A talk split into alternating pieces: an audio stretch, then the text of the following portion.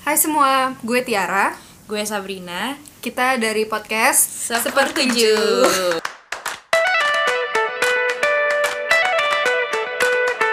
Hai semuanya, apa kabar nih? Semoga kita sehat selalu ya. Iya, halo teman-teman semua. Udah lama kita nggak menyapa melalui podcast Sepertujuh ini. Sabrina apa kabar? Baik, baik banget sih selama selama COVID ini ya. Alhamdulillah gue masih COVID free sampai hari ini. Kalau lo sendiri gimana? Iya, gue juga alhamdulillah masih sehat semuanya. Eh, sekeluarga juga alhamdulillah masih sehat semua. Semoga teman-teman yang mendengarkan ini juga eh, masih sehat semua dan semoga protokol kesehatannya selalu Tuhi. dipatuhi dan dilaksanakan. Ya, Ya, dengan kasus ini kita rekaman hari ini hari 5 Februari, hari Jumat tanggal 5 Februari. Dan COVID di Indonesia per hari ini kasusnya nambah berapa, Ti? Tahu nggak? Eh, kurang tahu tuh. Eh, sebenarnya ya kayaknya sekarang eh karena ngelihat beberapa minggu terakhir ini tuh naiknya agak parah banget ya sempat sampai kayak 13.000 ribu gitu tuh kayak agak takut gitu jadinya kalau ngelihat angka-angka itu jadi masih agak takut sih sebenarnya ngelihat angka-angka itu terus naik. Kalau Semoga- Sabrina gimana? Kenapa? Oh, enggak, enggak. Semoga kita semua yang ngedengerin ini tetap patuhin protokol kesehatan dan di rumah aja kalau bisa ya. Sebisa mungkin. Sabrina Kalau- gimana di rumah aja selama ini ngapain aja di rumah? Di rumah sebenarnya maupun ada COVID atau enggak, gue tipe orang yang suka ada di rumah ya, Ti. Jadi dengan adanya COVID ini, gue makin sering di rumah, gue makin sering bareng keluarga. Bener gak sih? Lo ngerasain gak sih dalam Benar-benar. Setelah COVID ini kan kita berdua itu rantau. Mm-mm. sebelumnya sebelum COVID dan setelah COVID ini kita dipaksa pulang ke rumah untuk supaya lebih aman dan kita jadi bisa spend more time with family. Dan menurut lo gimana? Iya sih, bener banget. Jadi eh, mungkin intensitas kita bersama kakak, adik, dan orang tua juga semakin sering ya karena semuanya di rumah.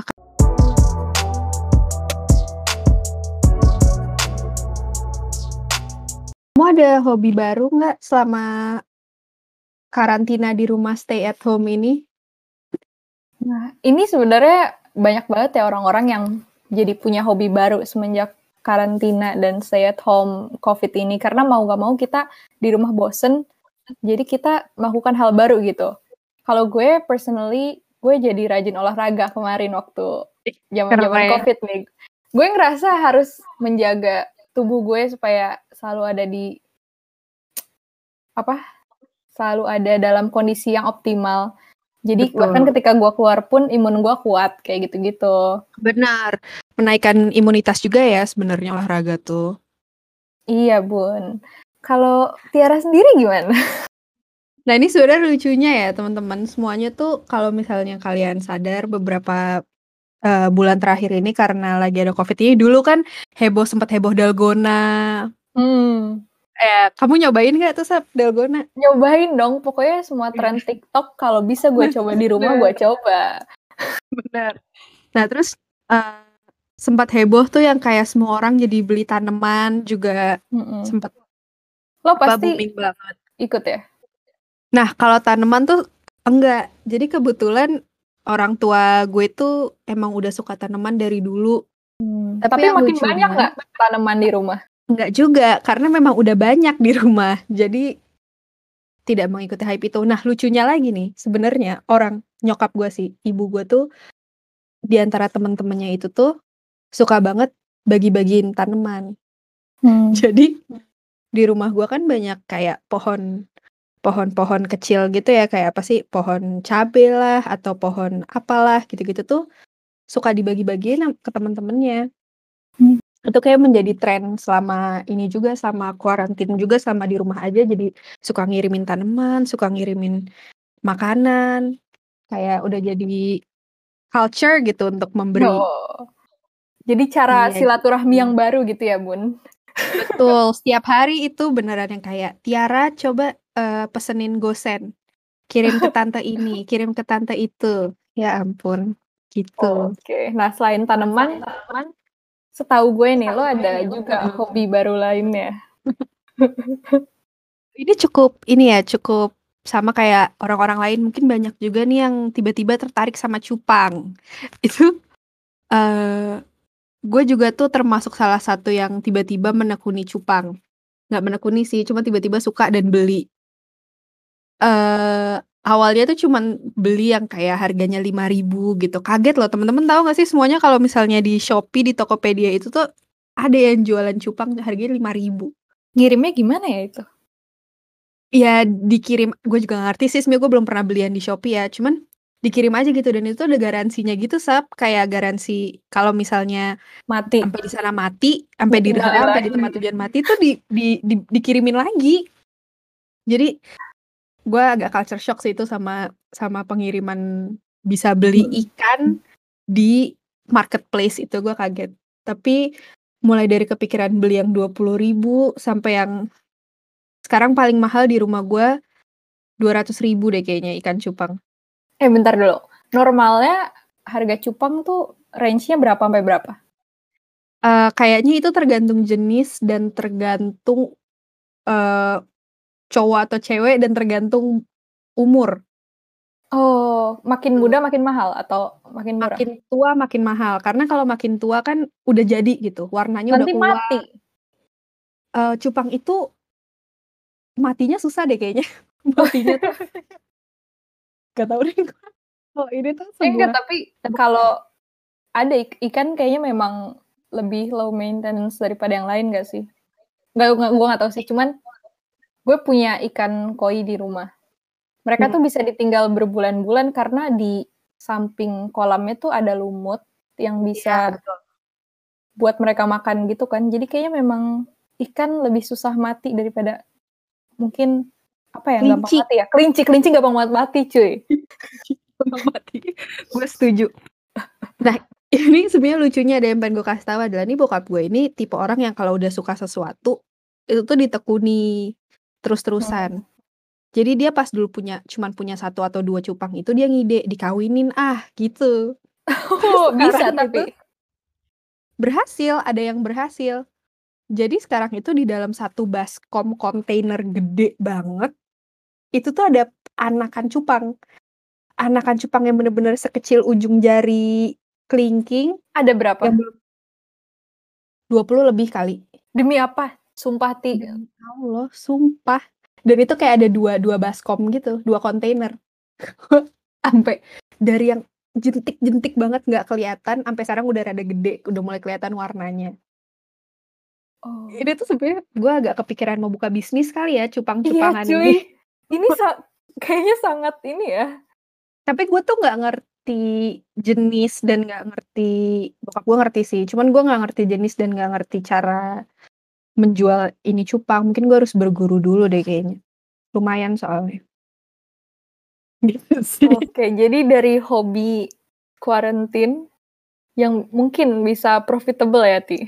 Iya, amin. From hobby to money. Asia.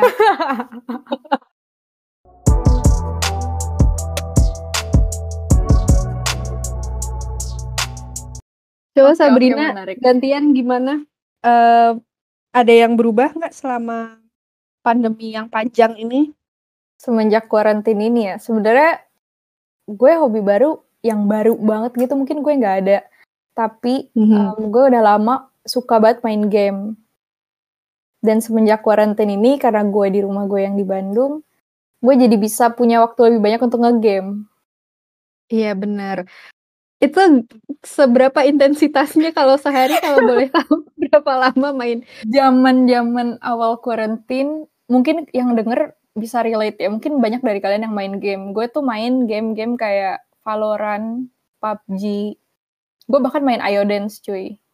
Ada deh, mungkin yang Keren. denger dan suka main game pasti kayak ketawa-ketawa dengerin ini karena ini game-game yang udah kuno jadul zaman SD gitu loh, game-game. Dan gue pernah main waktu bulan puasa. Bulan puasa tuh kan harusnya kita beribadah ya cuy. Tapi gue main dari dari habis subuh tuh, gue bisa nyalain tuh komputer seharian sampai subuh lagi, nonstop. Oh my god. Kalau pas waktu kuliah gimana, Sap? Ya kalau waktu kuliah gue belajar, gue belajar, tetap gue ikut kelas gitu. Tapi maksudnya mungkin intensitas gue kuliah dan gue ngegame itu Heeh. bisa disetarakan gitu loh. Gue beneran ngegame terus cuy. Dan pasti kalian yang main game kalian bisa relate. Pastilah kalian gak ada waktu ngapain main game dan main game tuh buat yang main game pasti ngerti main game tuh nggak kerasa cuy. Lo main segame dua game, tiba-tiba tuh udah lima jam lewat, 6 jam lewat Hmm. gitu loh. Ini not a good example, jangan contoh. Apalagi yang masih adik-adik, jangan dengerin ini. This is not a good advice. Tapi sebenarnya apa sih yang dicari waktu main game itu? Maksudnya kayak eh, keseruan yang diam- yang didapat itu tergantung gamenya kah atau gimana sih? Sebenarnya game kan banyak purpose-nya. Ada game yang lo main untuk lo bersosialisasi sama teman-teman lo gitu. Game-game kayak. Among Us, kayak ya PUBG juga bisa. Dan ada juga game yang emang lo seek for um, seek for chal- seeking for challenge gitu. Kalau gue basically main tuh karena gue gabut aja cuy, karena di waktu kosong gue, gue prefer main game daripada misalnya gue bersosialisasi gitu. Kalau sekarang-sekarang Yang gue udah mainnya. jarang. Ini ini gue udah tobat gue kayak udah sadar seberapa susah kuliah. Jadi gue udah mulai berhenti main game. Tapi kalau sekarang gue main game lebih untuk refresh otak aja sih. Jadi sekarang habit gue Hmm. udah balik ke normal. Jadi dulu waktu covid tuh karena gue punya banyak banget waktu di tangan gue karena semua plans gue ke cancel bla bla bla bla.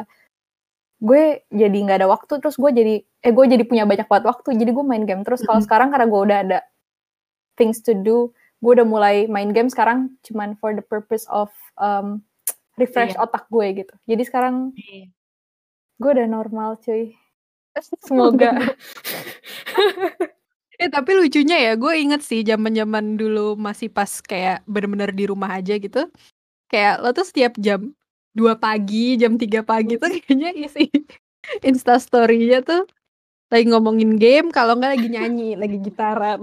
oh iya iya iya iya Ya ada zaman-zaman itu ya, tapi alhamdulillah maksudnya sekarang kayaknya udah pelan-pelan kembali ke apa namanya aktivitas yang dulu sebelum pandemi ya.